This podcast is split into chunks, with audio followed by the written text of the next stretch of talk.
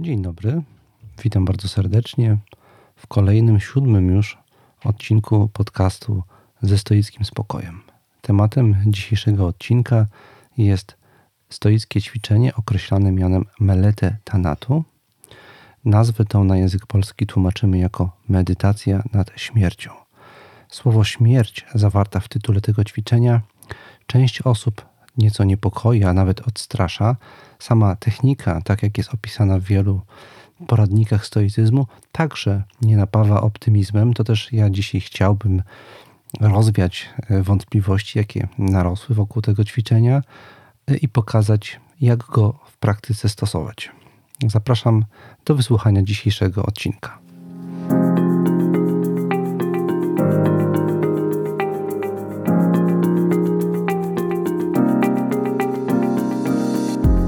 Mamy ograniczony wpływ na to, gdzie i pośród jakich ludzi żyjemy. Nie my decydujemy, co nam się codziennie przydarza. Od nas jednak zależy, jak to przyjmujemy i jakimi stajemy się ludźmi. Nazywam się Tomasz Mazur, jestem współczesnym praktykującym stoikiem i zapraszam do wysłuchania mojego podcastu ze stoickim spokojem.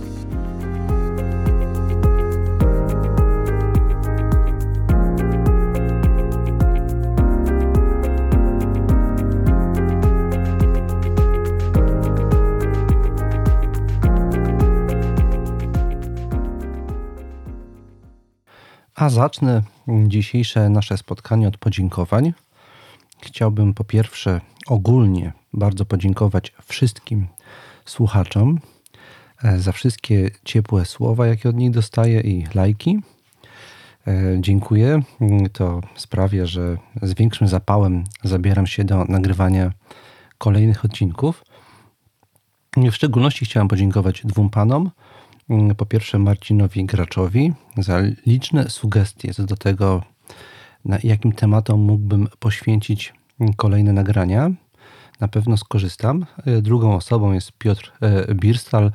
Bardzo dziękuję e, po pierwsze za mm, wyrazy poparcia oraz za konstruktywną krytykę mm, w stosunku do dwóch punktów, o które poruszałem w odcinku poświęconym logosowi, znaczeniu tego terminu.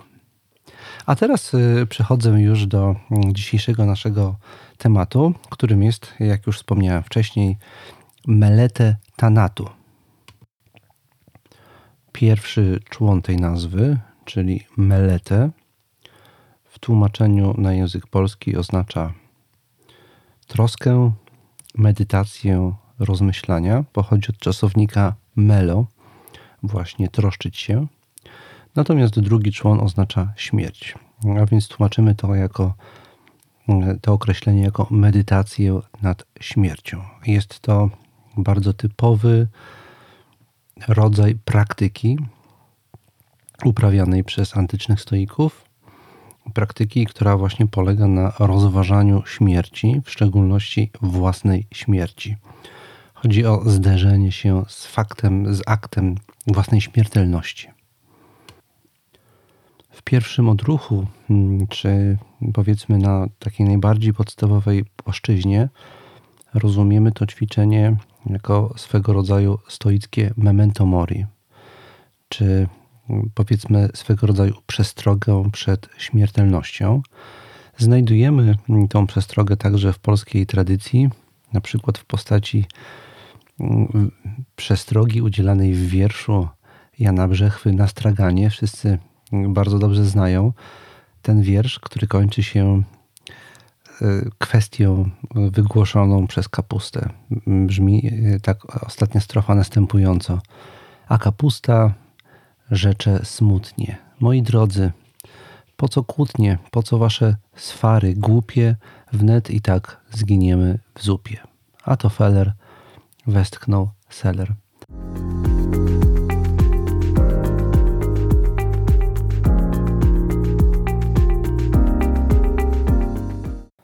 Wydaje się, że wszyscy bardzo dobrze rozumiemy prostotę tego przesłania.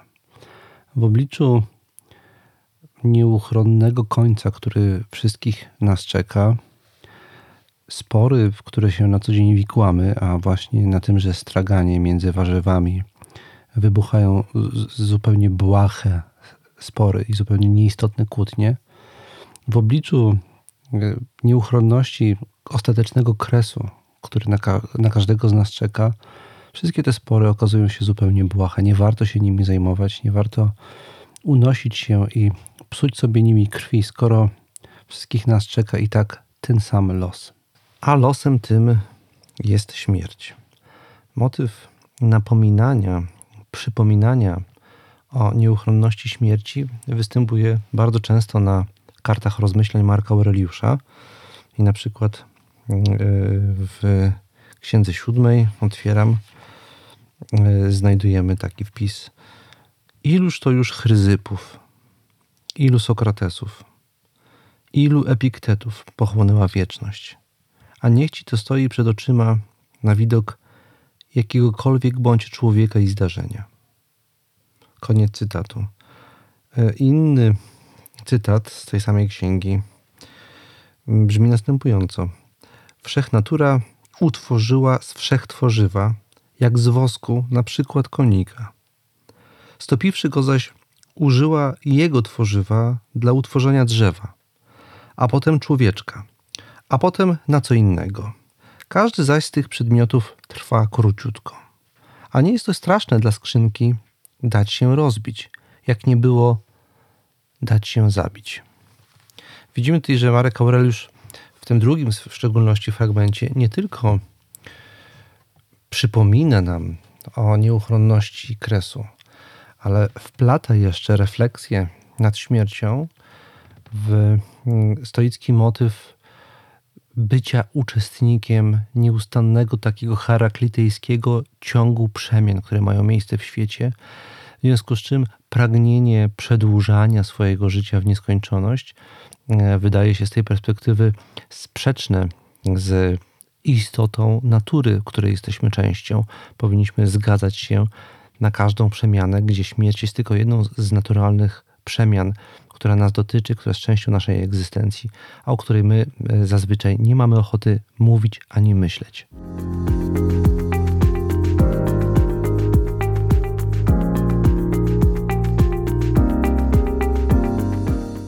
Wydaje się więc, że zarówno w tej wersji poetyckiej, którą e, mamy w postaci wiersza Jana Brzechwy, jak i w tej wersji bardziej filozoficznej, oryginalnej, stoickiej, chodzi o jedno proste przesłanie, czy właściwie zabieg, polegający na zestawieniu dwóch obszarów. Z jednej strony obszar doświadczenie naszej nieuchronnej śmiertelności, to, że wszystko to, co nam się teraz przydarza, minie, bo na każdego ten kres czeka.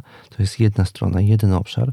I teraz ten obszar zestawiamy w naszej świadomości, w naszej wyobraźni z tym, co nam się przydarza danego dnia, zarówno w obszarze jakichś drobnych przeciwności losu, jak i w obszarze mm, sporów z bliźnimi. Rzecz właśnie w tym, żebyśmy użyli tego zestawienia tak, aby nabrać w stosunku do tych błahych, codziennych zdarzeń właściwej perspektywy, żeby one nam nie przesłaniały tego, co naprawdę ważne. Bo mm, największą bolączką człowieka wydaje się być to, że na co dzień tracimy z, oku, z, z oczu nasze wartości, nasze priorytety, nasze cele, to co jest naprawdę ważne, po czym po wielu latach trwania w takiej przysłowiowo określonej mianem bieżączki, bieżączce, mm, y, orientujemy się, że coś ważnego nam w naszym życiu umknęło. Żeby nam to nie umknęło, żebyśmy mogli to przychwycić, uchwycić na gorąco, we właściwym momencie, na czas w naszym życiu, powinniśmy zestawiać to, co nam się przydarza tu i teraz, dzisiaj, z doświadczeniem kresu naszego życia, z doświadczeniem ostatecznym, najbardziej granicznym. Tym bardziej naszym takim podstawowym, egzystencjalnym nawykiem współcześnie, nawykiem współczesnego człowieka jest, jest próba odsunięcia od siebie, od swojej świadomości faktu śmiertelności. Staramy się o, o śmierci nie myśleć, wydaje nam się to doświadczenie, doświadczeniem przykrym, o którym nie należy w ogóle mówić. Staramy się wręcz od, od śmierci uciekać. Tymczasem stoicy, na tym się opiera zasada konstrukcji Melety Tenato, uważają, że śmierć jako doświadczenie nie tylko jest nieuchronnym elementem naszego życia, ale też ono może być postrzegane jako pewnego rodzaju dar. Żeby sobie to przypomnieć czy uświadomić, warto y, odnieść się do jakiegokolwiek doświadczenia uczestnictwa w pogrzebie. Podczas y, ceremonii pogrzebowych i później podczas stypy widzimy, że mamy zupełnie inne postrzeganie rzeczywistości. Na zupełnie inne tematy rozmawiamy z gośćmi stypy, z członkami naszej rodziny, których dawno nie widzieliśmy. Te rzeczy, które na co dzień zaprzątają naszą uwagę, które na co dzień napełniają nas lękiem, niepokojem, te bieżące sprawy naszego życia nagle gdzieś znikają z naszego bezpośredniego pola widzenia. Nagle okazuje się, że możemy porozmawiać o innych tematach, które przypominają nam bądź dzieciństwo, bądź jakieś nasze dawno zapomniane aspiracje. Na moment stajemy się częścią zupełnie innej rzeczywistości. W technice melety tanatu chodzi o to, żeby to doświadczenie móc sobie zafundować także w sytuacji codziennej. Nie tylko w przypadku okoliczności śmierci jakiejś bliskiej osoby, ale także codziennie, kiedy wracamy do pracy albo kiedy szykujemy się do pracy, żebyśmy mogli sobie przeprowadzić w głowie tego rodzaju doświadczenie. I może chodzić zarówno o taką perspektywę ogólniejszą, jak widzieliśmy w pierwszym z przytoczonych cytatów Marka Aureliusza. Chodzi o uświadomienie sobie śmiertelności wszystkich ludzi. Że ci wszyscy, e, którzy albo cieszą się u nas jakimś w tej chwili strasznym autorytetem, albo których się lękamy, albo którzy są dla nas aspiracją, albo których próbujemy naśladować, albo których kochamy. Każda z tych osób kiedyś umrze, tak samo jak my. Wszystko jest chwilowe. Starajmy się każdą chwilę jak najlepiej w związku z tym wykorzystać. Nie pozwalajmy, żeby jakieś błahostki uniemożliwiały nam cieszenie się, cieszenia się e, z radością istnienia.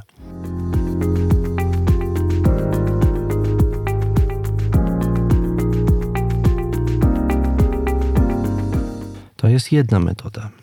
Ona pozwala nam uzmysłowić sobie, że wszystko przemija. Ale druga, bardziej radykalna metoda stosowana przez stoików to jest wyobrażanie sobie własnej śmierci.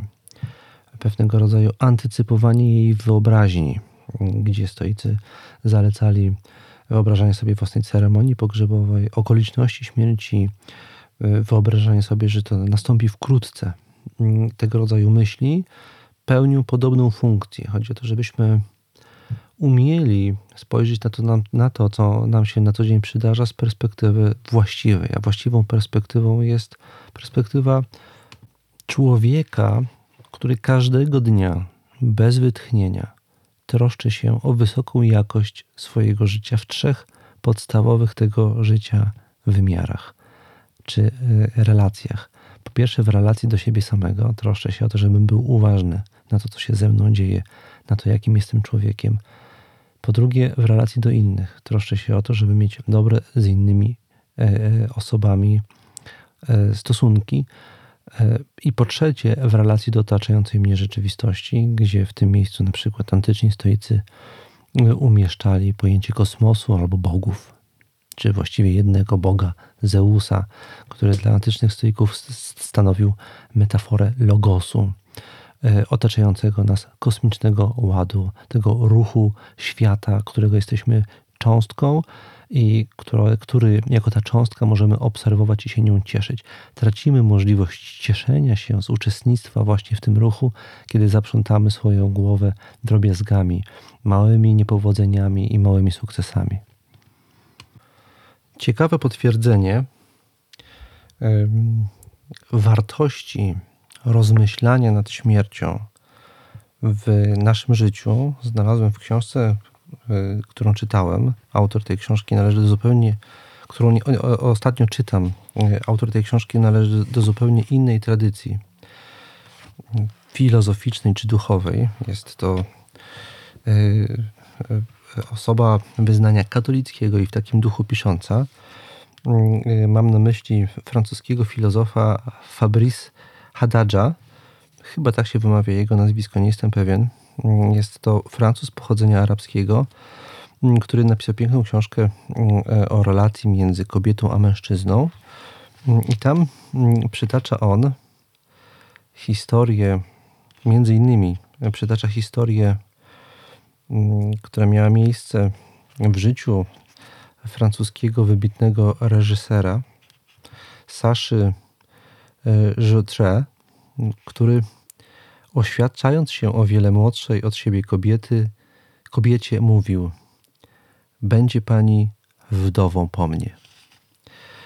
E, e, autor komentuje to w ten sposób, że tekst był stuprocentowo skuteczny. Nawet najbardziej krnąbrna i narowista wybranka porzucała wszelkie opory, mimo iż wiedziała, że wielbiciel powiedział to samo jej poprzedniczce, którą właśnie pochował.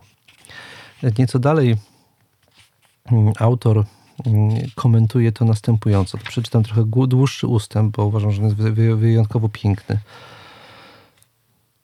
Fundamentem wspólnoty małżeńskiej nie jest całkowite zlanie się w jedno, ale otwarcie na drugą osobę, aż po jej nieuchronne odejście. Komunia polega na wspieraniu się aż do dnia śmierci, która jest doświadczeniem niekomunikowalnym, rzeczywistością, w którą każdy musi wejść sam. Nierozerwalność małżeństwa to właśnie oznacza. Gdy panna młoda uroczyście oświadcza, że chce dzielić życie z dziarskim młodzieńcem, który stoi obok niej, dumnie wyprostowany i piękny w swoim trzyczęściowym garniturze, w cichości ducha zgadza się, by być przy nim także w godzinie jego śmierci, kiedy będzie już tylko wymizerowanym cieniem, odzianym w szpitalną koszulę, bladą jak on sam, skulonym i drżącym na łóżku w pokoju 407. Jedynie kochankowie, którzy mają świadomość, że będą wspierać się aż do tego momentu, mogą naprawdę głęboko zatonąć w sobie nawzajem. Gdy biorą się w ramiona, obejmują cały dramat egzystencji, otwierają się na miłość potężną jak śmierć. W tym miejscu myślę o warszawskim getcie.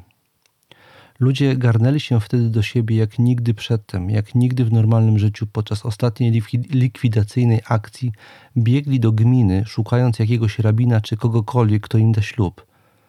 I szli na Umschlatzplatz jako małżeństwo.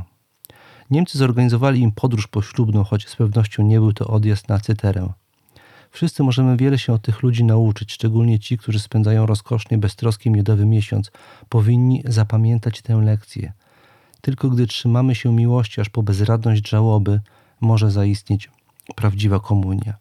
Tylko świadomość nadciągającej potworności chroni nas przed utknięciem w potwornej pustce porządnego małżeństwa, bo wtedy w naszej zwyczajnej wspólnocie, w zwyczajnej, wspólnej codzienności dostrzegamy cud.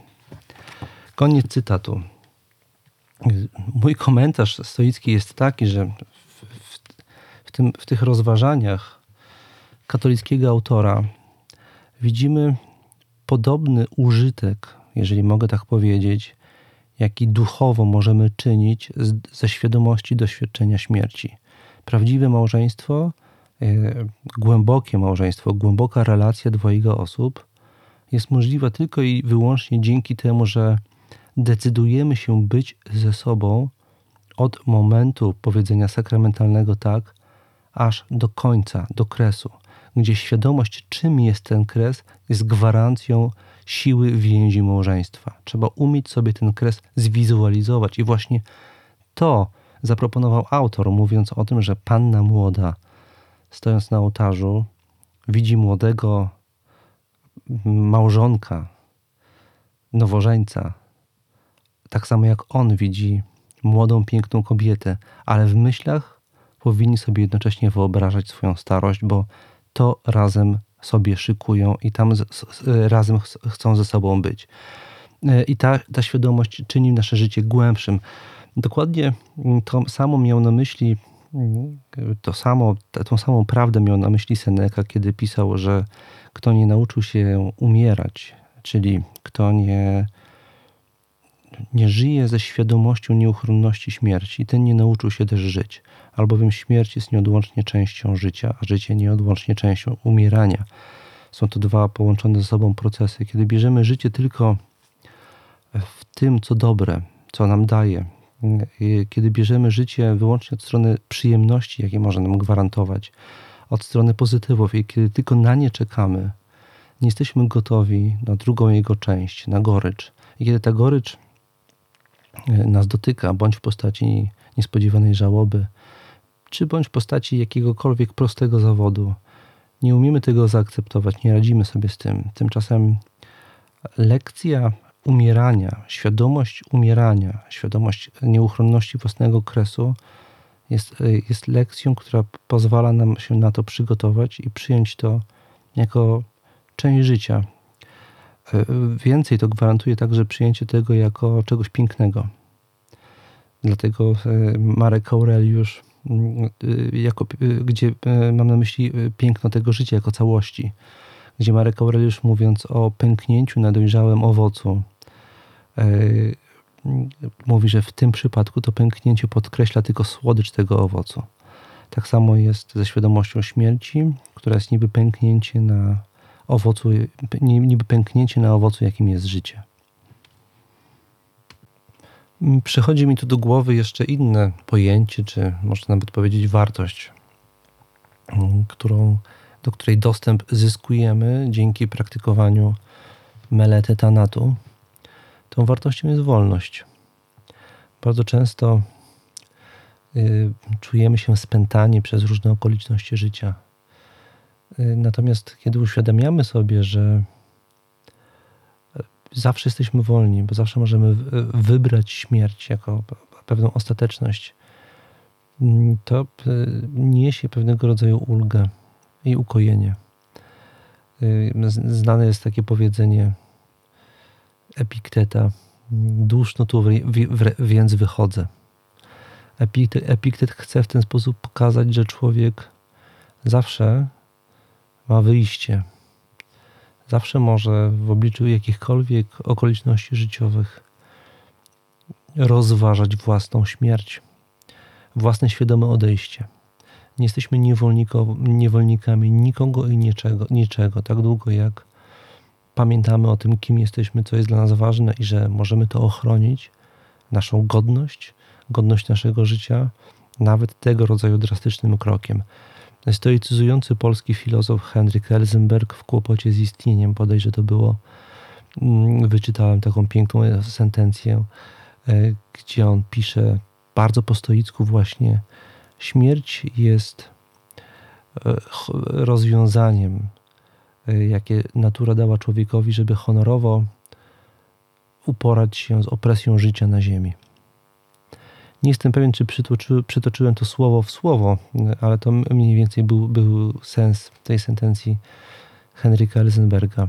A więc y, wszystkie te przykłady mają służyć pokazaniu tego, że fakt własnej śmiertelności, czy możliwość skorzystania też z własnej śmiertelności poprzez świadome sięgnięcie po śmierć stanowi mm, ważny komponent naszej, naszej duchowości, naszej świadomości tego, kim jesteśmy, a także źródło duchowej wolności. Mm, podsumowując, y, czy przypominając jeszcze, jak to się praktykuje, wcześniej w jednym z podcastów mówiłem o tym, że fundamentem wszelkiej stoickiej praktyki jest wyobraźnia. Tak podobnie tutaj uważam, że warunkiem skuteczności praktykowania ćwiczenia melete tanatu jest umiejętność wyobrażenia sobie, bez względu na to, w jakich okolicznościach życia się znajdujemy, bez względu na to, jakiego rodzaju troski e, chodzą nam po głowie, jakiego rodzaju niepokoje nas ograniczają, żebyśmy byli w stanie umieć niejako stanąć z boku tego wszystkiego, co się w nas dzieje i z nami dzieje, i umieć sobie ze spokojną głową wyobrazić fakt własnej śmiertelności. Zobaczyć siebie dużo starszych niż jesteśmy teraz. Zadać sobie temu sobie, temu umierającemu sobie pytanie: która z rzeczy, która teraz mnie tak bardzo zaprząta, która, o, o której nie jestem w stanie przestać myśleć, bo jakieś kłopoty w pracy, bo jakieś kłopoty finansowe, bo jakieś kłopoty w relacjach, bo jakieś kłopoty z dziećmi, mm, czy jak jeszcze w innym obszarze kłopoty, bo strach przed niespełnieniem. Każda z tych rzeczy atakuje nasz umysł y, od rana, kiedy tylko wstajemy. I chodzi o to, żeby zadać sobie pytanie temu sobie umierającemu, leżącemu na łożu śmierci, która z tych spraw będzie nas jeszcze wtedy zaprzątać? I czy warto tyle czasu, energii, emocji, strachu mm, poświęcać każdej z tych spraw? Czy nie lepiej po prostu cieszyć się tym, że żyjemy, cieszyć się tym, że możemy doświadczać dobrych rzeczy i starać się doświadczać dobrych rzeczy jak najwięcej, robiąc je i biorąc je. Tego rodzaju pytanie trzeba sobie stawiać, ale warunkiem skuteczności postawienia sobie tego pytania jest umiejętność wyobrażenia sobie, dlatego wyobrażenia sobie siebie, własnego umierania, nieuchronności własnego umierania. Chodzi o umiejętność skonfrontowania się z tym faktem, z tym aktem, z, tym obrazem. Bez takiej um, umiejętności to ćwiczenie nie zadziała, a już gdzie indziej wcześniej mówiłem, że to wymaga umiejętności właśnie takiego medytacyjnego wychodzenia z siebie, lektury, zanurzania się we własne myśli. Mówiłem o przeglądzie siebie w tym kontekście i o innych technikach wzmacniających działanie naszej wyobraźni, gdzie przez wyobraźnię rozumiem umiejętność wyobrażania sobie pewnych rzeczy, przedstawiania sobie pewnych obrazów we, własnych we własnym umyśle i sprawianie, żeby nasza egzystencja, nasze myśli pozostawały pod wpływem tego obrazu, żeby ten obraz działał na nas tak jak realne obrazy. Widzę film w telewizji e, i identyfikuje się z bohaterem, który znajduje się w stanie zagrożenia. Mojemu bohaterowi grozi śmierć, bo ścigają go jacyś złoczyńcy. Ja realnie czuję zaniepokojenie, emocje, dlatego chodzimy do kina, żeby poczuć różne emocje. Między innymi takie emocje. No więc praca wyobraźni, skuteczna praca wyobraźni polega na tym, żeby umieć sobie taki film w pewnym sensie przedstawić we własnej głowie i, i, i być jednocześnie tym, kto ten projektor uruchamia i kontroluje to, co jest projektowane, i jest jednocześnie widzem. Jakby my zawsze w sobie mamy pewnego widza, którego musimy zabawić, czy którego musimy poddać działaniu różnych naszych projekcji. My mamy wpływ na to, jakie to są projekcje, i mamy wpływ na to, w związku z tym, jak ten widz zareaguje. Jest w nas pewna część, która, którą możemy zmienić tylko dzięki temu, że będziemy sobie świadomie puszczać tego rodzaju filmy. I y, ćwiczenie Melete Tenatu ma dokładnie taką funkcję. Jest to pewnego rodzaju ćwiczenie sali kinowej, gdzie ta część mnie, która jest bardziej oporna na, na zmianę, gdzie mamy nawyki, odruchy behawioralne i poznawcze zakorzenione gdzieś głęboko w dzieciństwie, a także w genach, ta część mnie siedzi na, e, na sali kinowej i patrzy na obraz, który puszcza druga część mnie, bardziej refleksyjna i bardziej świadoma. I ten obraz jest odpowiednio zaprojektowany i puszczony, tak żeby ta druga część odpowiednio zareagowała.